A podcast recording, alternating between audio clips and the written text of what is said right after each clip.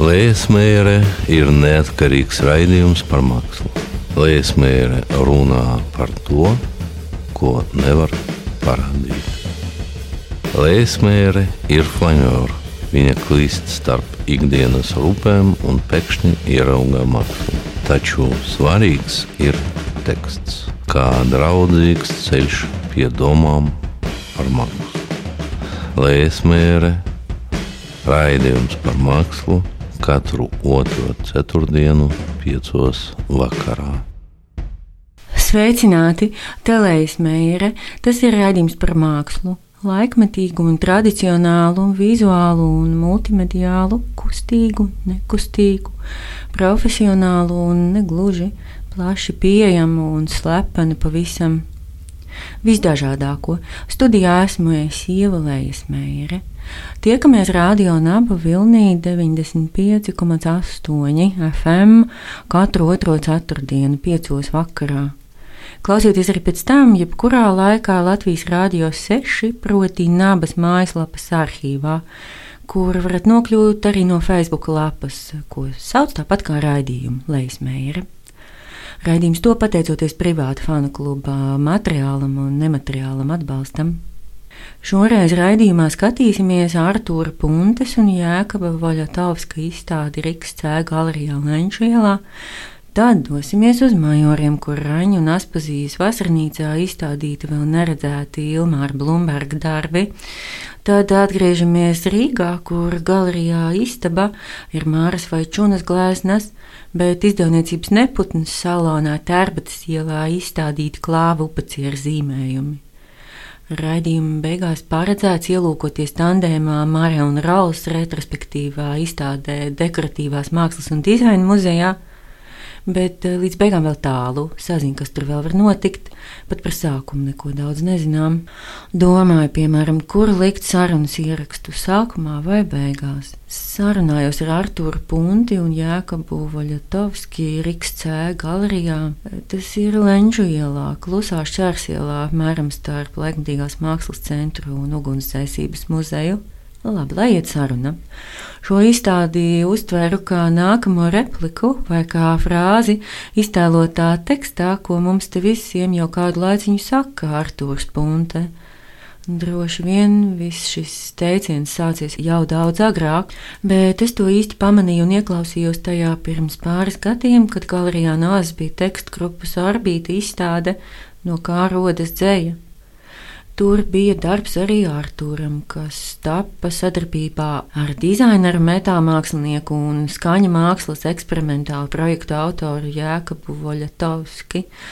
Toreiz bija runa par skaņu, kas rodas ārpus cilvēku iecerēm un centieniem.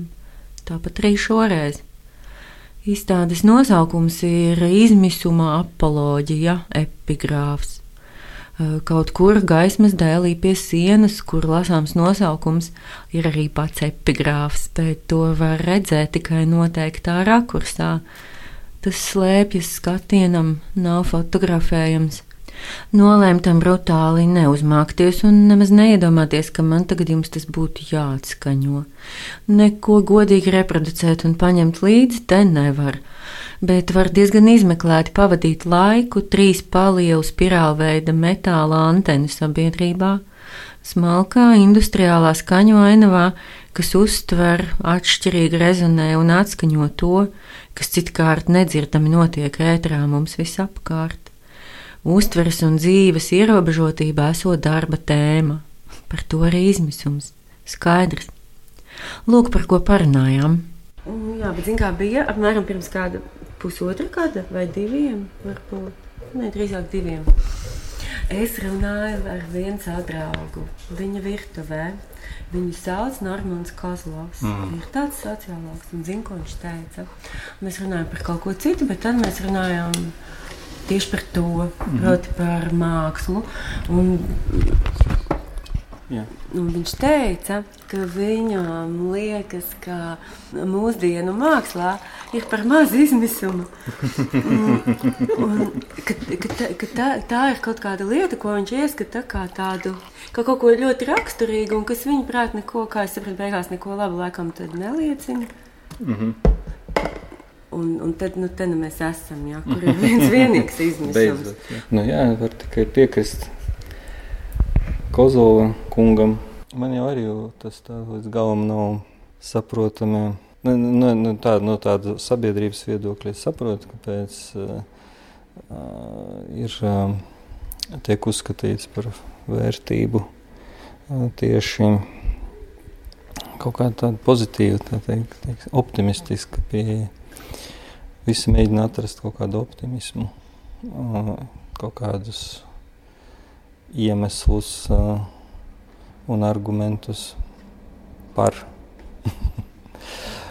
Bet nu, cik tas ir, cik tas strādā, cik tas uzmundrina realitātē cilvēku. Um, Tas man liekas, ir diezgan šaubīgs moments. Bet es nezinu, vai man tas ir jāsaka, jo tas ir, ir proklamēts pašā izstādes nosaukumā. Un... Eh, tā bija tā ideja par, to, par mūsu iespēju ierobežotību.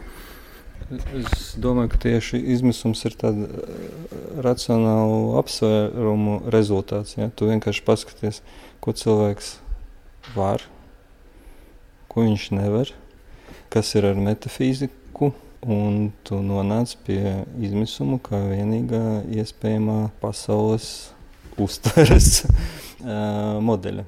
Kā fiziski radās tas viss, tas, tas džingsts, kas tur ir? Tas no, no radio ētera atnāk.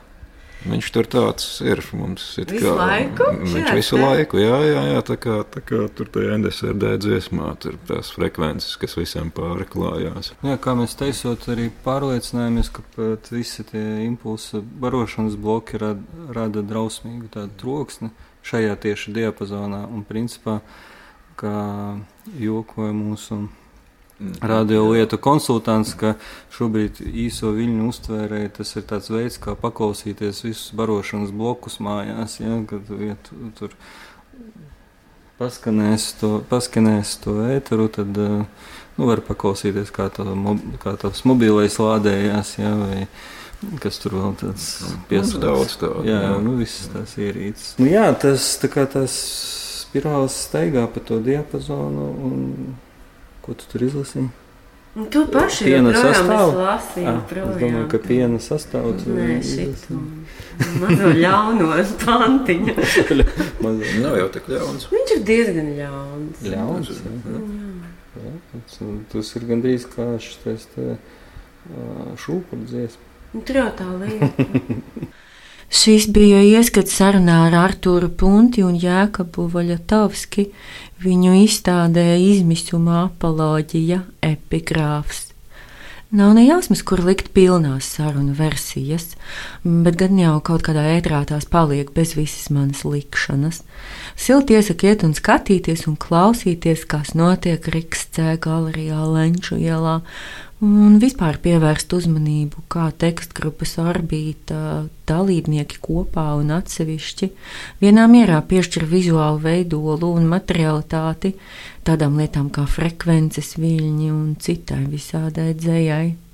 Taču svarīgi arī zināt, ka orbīti nav vienīgie, kā varbūt ierasts uzskatīt laikmatīgās vizuālās mākslas kontekstā. Vesela metāla mākslinieku subkultūra konsekventi notrapojas ar visādu neredzamu un tik viegli arī nedzirdamu substanču vizualizēšanu un skaniskošanu ar Artūra Puntes un Jēkabā Voļatovska izmisuma apoloģijas pilnu galvu diezgan jau izmisīgi raudzījos apkārt, nu kur tad tagad tādu, lai dodos? Un izrādījās tādā stāvoklī jādodas uz vilcienu, jābrauc līdz majoriem un jāiet uz Raņu un Aspazīs vasarnīcu. Tur tikko atklāta neticama Ilmāra Blumberga darbu izstāde – Arī nosaukums tā, protams, ir neticams, proti, beigas ir. Izstādi sarīkojas mākslinieka dēls, atbalstījusi Baltijas Internacionālā banka un tekstu katalogam uzrakstījusi mākslas zinātniece Anita Vanaga. Viņa ir autora vairākiem lieliskiem tekstiem par Ilmāru Blūmbergu, un vēl mākslinieka dzīves laikā izdevusi arī grāmatu sadarbībā ar izdevniecību Neputns. Izstādē beigas ir redzamas trīs dažādas darbu grupas, teiksim tā. Gleznoto pašportretu sērija tas pats, kas tapusi no 90. gadu otrās puses līdz 2011. gadam. Tad pirmo reizi tiek eksponēti zīmējumi, kas radīti īsi pirms mākslinieka nāves Tenerifē. Tie reproducēti arī kataloģiņā. To varat paņemt līdzi, palasīt un vēlreiz šķirstot atskārst, ka īstā tikšanās ar autoru notiek tieši oriģinālā, kur pa grubuļaino dzeltenīgo papīru dodas viņa prāts un roka kopā ar tūšu, zīmoli, ogli un akrilu. Anita Vanaga kataloga ievadvārdos raksta pilnīgi un skaisti. Ar katru zīmējumu sarūk dzīve, Pēdējie Ilmāra Blūmberga zīmējumi ir spēcīgi, vienkārši blūmberģiski savā patosā un skatuviskajā šķērsgriezumā ar pazemes zemes un debesu joslu. Nāvē nepieciešama piekrišana, vaicā Blūmbergs pats sev. Viņš ilgus gadus bija pielāgojis nēsamību, fiksējot patības izzušanu, pārtapšanu citā matērijas formā, vai tā būtu zeme, vai koks, vai putns, vai krāsu jūklis. No krāsu jūkļa, sienas ornamenta radās pašportretu sērija tas pats.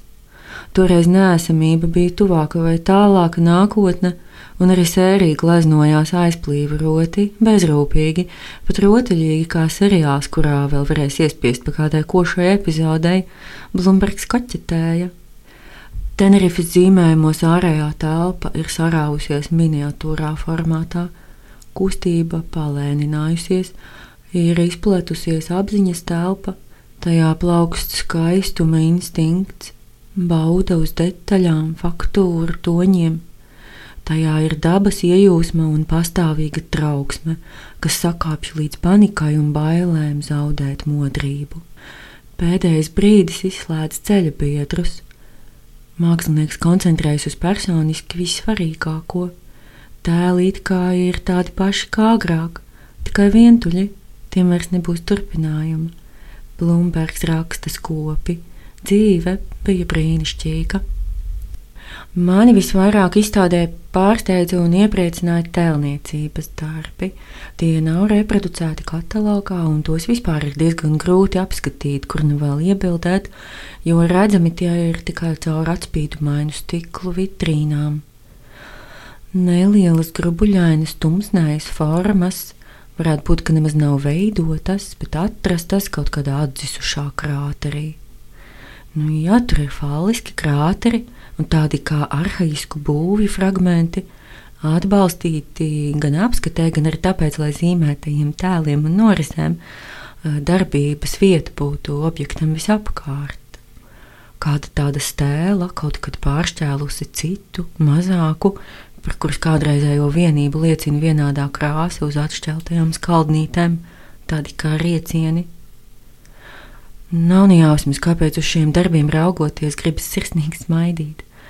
O, nu, varbūt vienkārši tāpēc, ka to autors ir Ilmārs Blūmbergs, un skatoties darbus, redzu, kā viņš pats smaida un ķiķinās par visu ko bet ko šiem grotiskajiem pašportretiem, kas nevainojami balansē starp traģiku un humoru, ir burvīgi datējumi, tādi trīspakāpju paraksti, piemēram, Blūmbergs 213, gleznots 1997, beigts 2011 vai Blūmbergs 2097, gleznots 1999.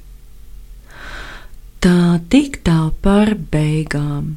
Ziniet, man ļoti patīk, ko Blūmbergs izdara un laipni pasniedz katram mums. Proti, uzzīmētām, visām tām beigām pašām pienāk beigas.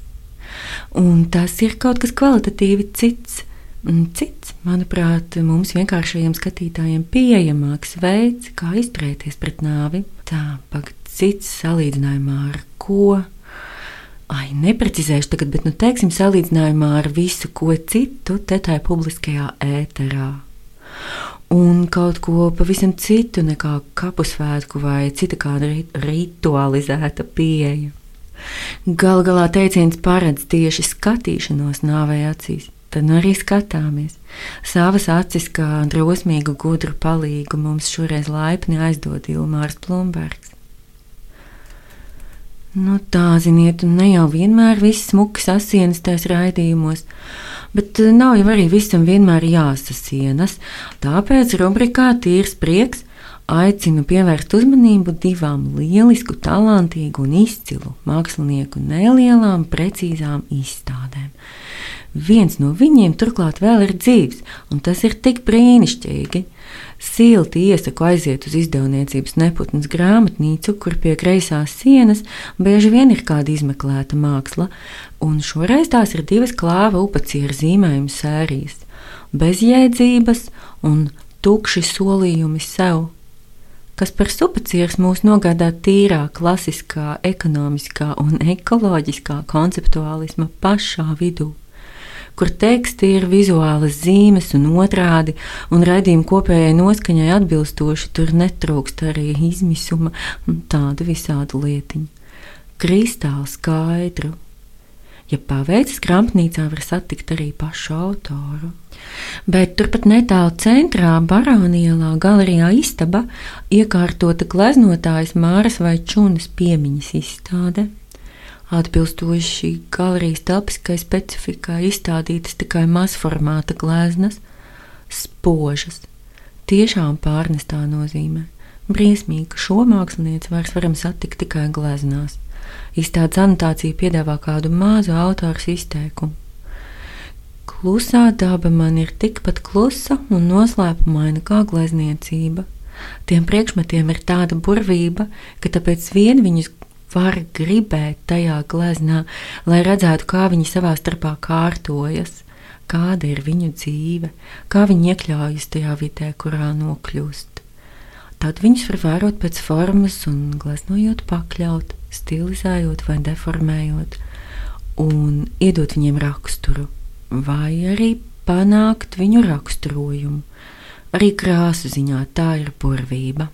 Māras vai čunas gleznām piemīt īpašs kameras stila šārms, nevainojama gaume, lai ko arī ar to saprastu, nu kā vēl mēdz teikt, krāsa dzirde, garša, kaut kas ļoti raksturīgs 20. gadsimta modernisma tradīcijai, un kaut kas ļoti personisks arī.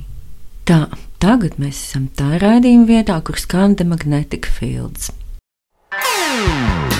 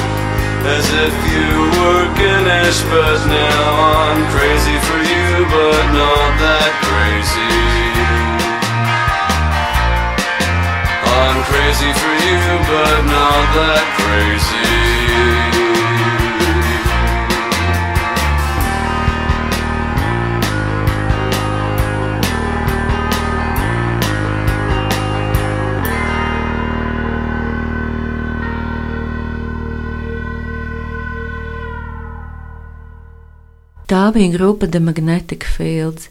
Ne šai, ne citām grupas dziesmām, protams, nav nekāda sakara ar raidījumā apskatīto mākslu. Ievēlējies mērē, uzskata, ka teksts par mākslu arī ir māksla, un sarunā par redzamo ir pats interesantākais vispār dzīve. Izņemot seksu un naudu, protams.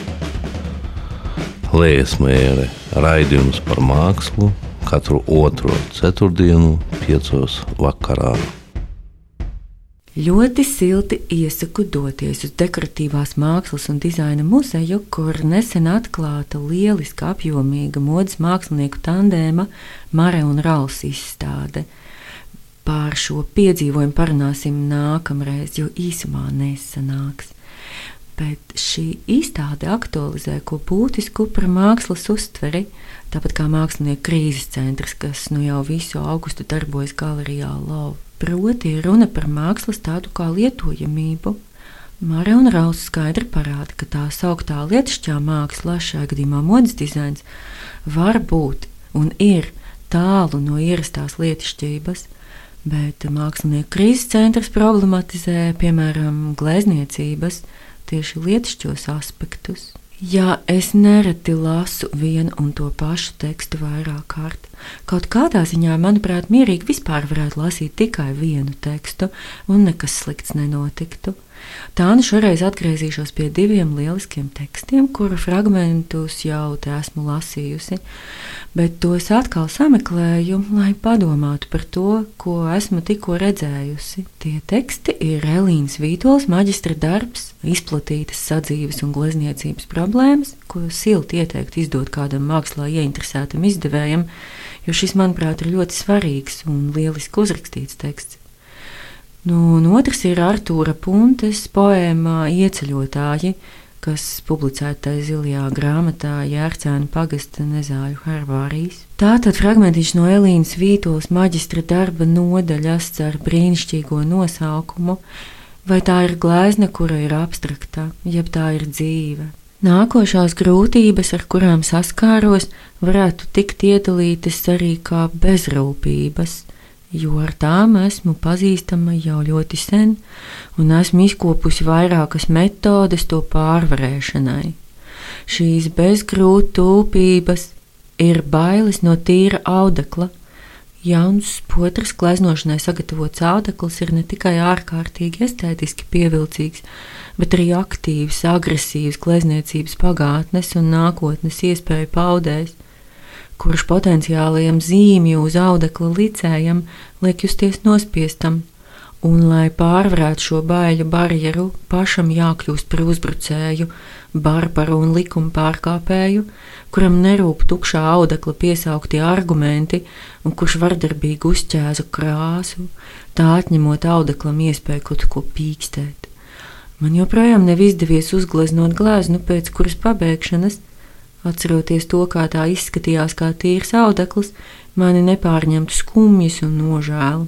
Agrāk, kad vēl nebija tik rūtīta un savas intereses neuzskatīja par augstākām kā glezniecības pašas intereses, kadrēju sevis gleznotos attēlus mazākus par audekla izmēriem, atstājot ievērojams audekla daļas brīvas no nospiedumiem, tā meklējot kompromisu ar nevainojamo agresoru. Bezgrūtūpību pārvarēšanai izlietoju pavisam nedaudz laika un nedaudz vairāk viltības, un man izdevās uzsākt savu darbu uz pirmajiem atratinātajiem ruļļa metriem.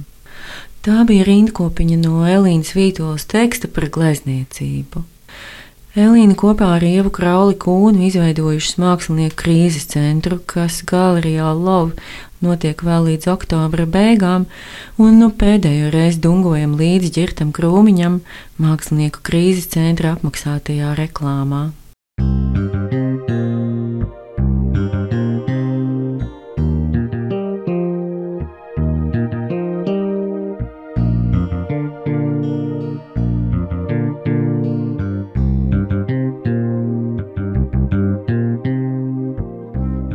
Mākslinieka vārdā saukts, mans nomocītais vājais draugs, tad spēcināties nu tik steidz uz galeriju lauku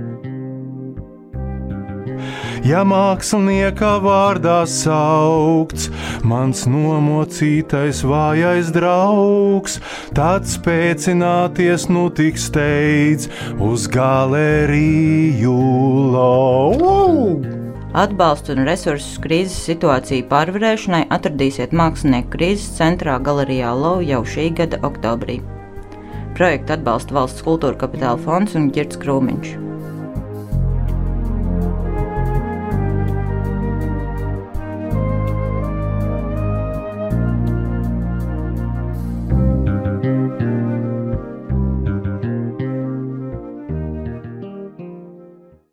Lai sanāktu kaut kas līdzīgs aplim, no krīzes dodamies atpakaļ izmisumā. Iepriekš kādā raidījumā lasīju jums sākuma daļu no Artūra Puntis poēmas ieceļotāja.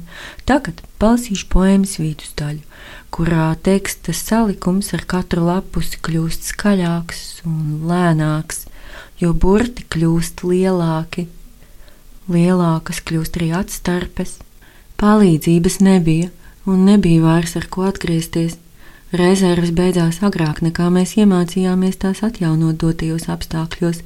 Mēs jau sākām apjaust, ja kāds šeit ko nosaka, tad tas ir laiks. Pēc tam mēs pārstājām īpaši censties un vienkārši noguruši gaidījām. Galu galā lūzums notika it kā pats no sevis, bez mūsu piepūles un lietišķiem priekšlikumiem. Pēkšņi izrādījās, ka praktiski neviens vairs netīko pēc mūsu laukiem.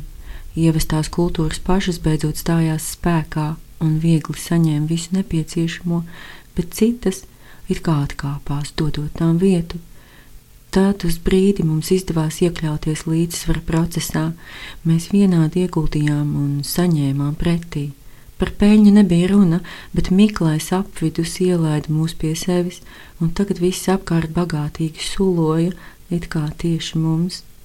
Ūdens sāka plūst, nosusinot slīkšņus un retinot biezokņus kukaiņi atbrīvoja gaisu. Dzīvnieki pielāgojās gluži tāpat kā mēs un izklīda savās nišās. Neviens vairs nedzēra viņu asinis, vietējo augu saindētas.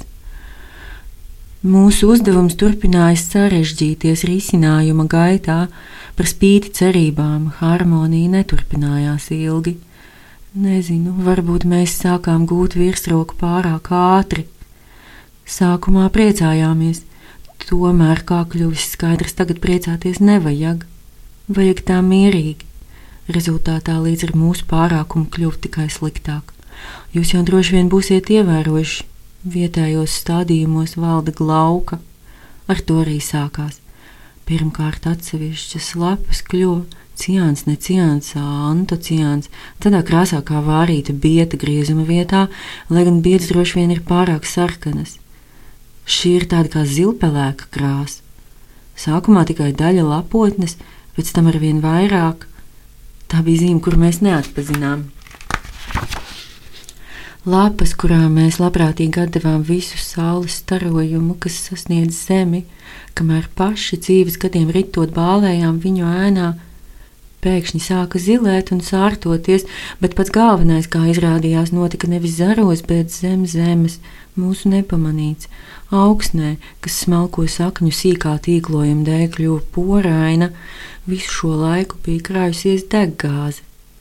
Sprādziens un tam sekojošais ugunsgrēks visā mūsu zemē. Vienā rāvienā mainīja visu - ainavu, pieredinātās populācijas, vielu sastāvu, pārtikas ķēdes un mūsu ikdienu. Tas bija jauns sākums, tāpēc mēs šeit laikus dalām pirms un pēc sprādziena.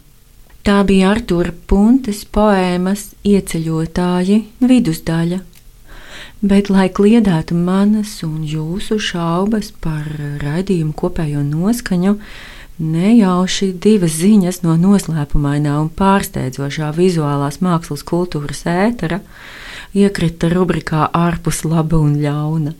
Proti, Valsts prezidenta kancelēs budžetā paredzēti 12,000 eiro iepriekšējā prezidenta portreta uzgleznošanai. Un uh, otrā ziņa - drīzumā pilsētas ielās nemarķēts patrulēs busiņš ar 360 grādu video kameru. Ievēlējas mēre uzskata, ka teksts par mākslu arī ir māksla, un saruna par redzamo ir pats interesantākais vispār dzīve. Izņemot seksu un naudu, protams. Lēsmēre raidījums par mākslu katru otro ceturtdienu, piecos vakarā. Studijā bija es mākslas kritiķi Ievalējas Meijeri. Par atbalstu šī raidījuma tapšanā pateicos Ilijānai Veinbergai un Oliveram Tarvidam. Visticamāk, ka šeit, Radio Naba viņos tiekamies pēc divām nedēļām, 7. novembrī, 2017. Iepriekšējos raidījumus atrodiet Latvijas Rādio 6, jeb Navas arhīvā un raidījuma Facebook lapā. Paldies, ka klausījāties! Visu gaišu! Lēsmēre ir neatkarīgs raidījums par mākslu. Lēsmēre runā par to, ko nevar parādīt. Lēsmēre ir flanēra.